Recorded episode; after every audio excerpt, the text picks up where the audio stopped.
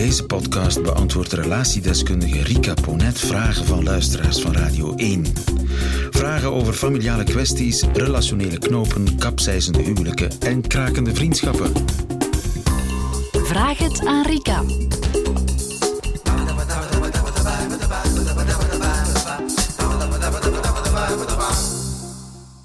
Beste Rika, ik ben 17 jaar samen met mijn man, waarvan 12 jaar getrouwd. Mijn man en ik hebben op zich een goede relatie, maar de laatste jaren worden onze ruzies steeds pijnlijker en geraak ik er steeds moeilijker overheen. Dit heeft te maken met het feit dat mijn man tijdens deze ruzies een sarcastische toon aanslaat, mij dom en vervelend noemt, zegt dat ik een vervelend karakter heb of mij zelfs uitscheldt. Hij zegt trut. Ik geef toe dat ik niet de makkelijkste vrouw ben, zegt de vraagstelster. Ik kan erg kritisch zijn en in een ruzie word ik soms emotioneel en verhef ik mijn stem, maar hem uitschelden doe ik niet. Dit maakt mij allemaal heel erg in de war en hij lijkt niet te begrijpen waarom deze woorden mij zo kwetsen. Rika. Mhm.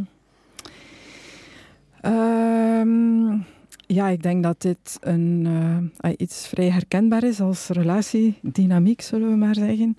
Uh, soms schrijft het ook juist ehm, in de zin van Ehm, de ene geeft kritiek, de andere uh, vernedert eigenlijk al, want dat is het toch wel een beetje. Ruzies met een sarcastische toon, de andere uitschelden voor trut, uh, dom, uh, vervelend, vreselijk karakter.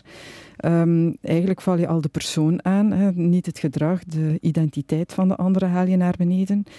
Um, nu, um, als ik daar zo heel spontaan op reageer, ik denk dat het goede nieuws is dat het ooit anders is geweest. Hè. Die mensen zijn duidelijk al een langere tijd samen. Um, en dan betekent dat dat dat toch opnieuw in die basisdynamiek um, kan uh, wijzigen of uh, terug in die richting kan evolueren. Is schelden eigenlijk een rode lijn waar je niet over mag tijdens het ruzie?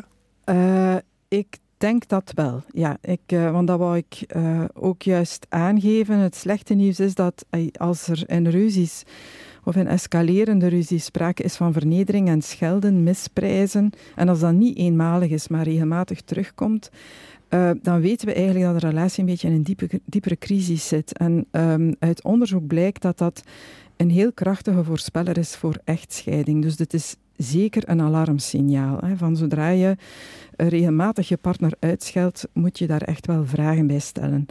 Um, nu, um... Het gaat ook over de proportionaliteit tijdens een ruzie, lees ik eigenlijk. Hè? De ja. verwijten en beledigingen moeten in evenwicht blijven. Uh, ja, en zoals je daar juist ook zei, is schelden over de, over de grens um, effectief. En ik denk, uh, dat is, mensen maken ruzie, dat maakt deel uit van wat relaties zijn. Uh, er zijn verschilervaringen. Sommige mensen kunnen dat aan de hand van een discussie bespreken. Anderen hebben daar, omdat ze emotioneler zijn, hoogoplopender discussies over met meer emotie. Maar ook zelfs in zo'n emotioneel moment zijn er grenzen waar je niet overheen gaat. Dat heeft te maken met een vorm van basisrespect voor wie de andere is. En dat gaat ook over wat er aan liefde is tussen jullie. En zo omschrijft dat eigenlijk ook goed, denk ik. Um, telkens als dat gebeurd is, um, heb ik een, um, ja, het gevoel dat dat ook wat mijn relatie doet afbrokkelen. Hè. Of ik voel me daar nadien heel slecht uh, door. En hij begrijpt dat niet. Blijkbaar kan ze het ook niet onder woorden brengen op een manier dat hij het kan begrijpen. Maar wat er op zo'n moment gebeurt is, um, we weten dat ook uit hersenonderzoek bijvoorbeeld, dat vernederingen of uh, dit soort van escalatie, uh, dat dat bij mensen een, um, dat dat een heel pijnlijke ervaring is. En dat dat er effectief voor zorgt dat je absoluut niet liefdescompetent, niet liefdeswaardig voelt. En ja, dat is nu wel het allerlaatste wat je wil ervaren van je partner. Hè, dat die jou het gevoel geeft, uh, jij, jij bent niet liefdeswaardig, jij bent niet liefdescompetent, ik zie jou niet graag. Dat is eigenlijk de diepere behoefte die daar geraakt wordt. En, um... Het is natuurlijk moeilijk om het even van zijn kant te bekijken, om je te beheersen als je je zelfbeheersing verliest. Ja, wat wij dan altijd aanraden in therapie is, um, als je bij jezelf ervaart, en dat zijn dan misschien nieuwe afspraken die zo'n koppel kan maken, um, van zodra je in die fase zit van misprijzen, schelden, um, als je bij jezelf voelt van ik ga erover, over de rode, dan is het altijd goed om jezelf even terug te trekken. Hè. Je kan met elkaar een signaal afspreken van nu gaat het te ver. Hè, want zij is duidelijk ook een kritische aanvallende vrouw. Ook daar ligt een deel van het probleem. Hè. Ik denk dat, zij, um, uh, dat het goed is om uh, kritiek op een andere manier te gaan uiten. Niet aanvallend, maar vanuit ik-boodschappen. Wat wil je? In plaats van kritiek te uiten op het gedrag van de ander of wat de andere niet doet of te veel doet.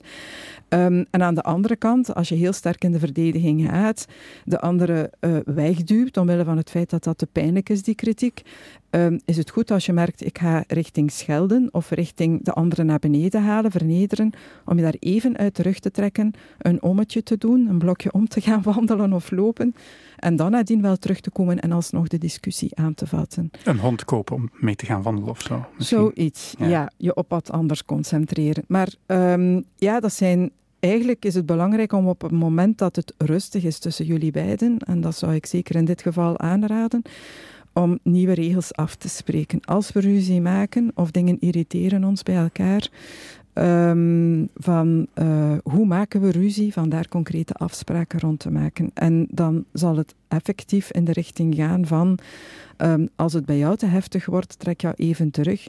Als ik van mijn kant de neiging heb om te kritisch of te aanvallend of te stemverheffend te zijn, Um, ja, hoe kan ik, eh, beiden moeten hun aandeel daarin opnemen. Dat is altijd de essentie.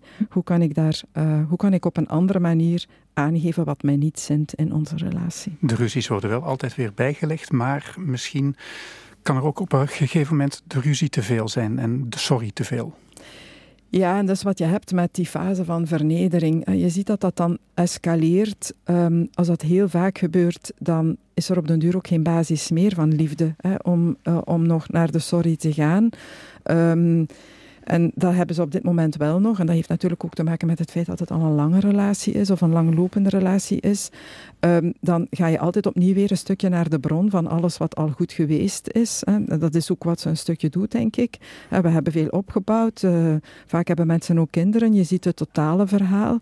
Um, maar langzaam maar zeker, ruzie na ruzie, brokkelt die basis ook af. En um, op een bepaald moment is dat fundament ook weg. En uh, zie je dat, dat dat dan effectief uh, het moment is waarop mensen beslissen om weg te gaan of uh, het effectief uitmondt in een breuk. Ja, want ze vraagt zich af of ze even alleen moet gaan wonen, maar dat hoor ik in jouw uitleg toch beter niet doen. Gewoon afspraken maken. Ja, nee, uh, we zien altijd als um, ruzies als er een te veel aan contact is, want dat is het eigenlijk, of een, een, te, in, een te grote intensiteit aan contact is, dat dat, um, dat, dat het eigenlijk ook niet, niet oplost. Het gaat erover hoe uh, kunnen we hier op een. Ja, uiteindelijk wat je dan doet, is het uit de weg gaan van uh, wat er aan verschil is.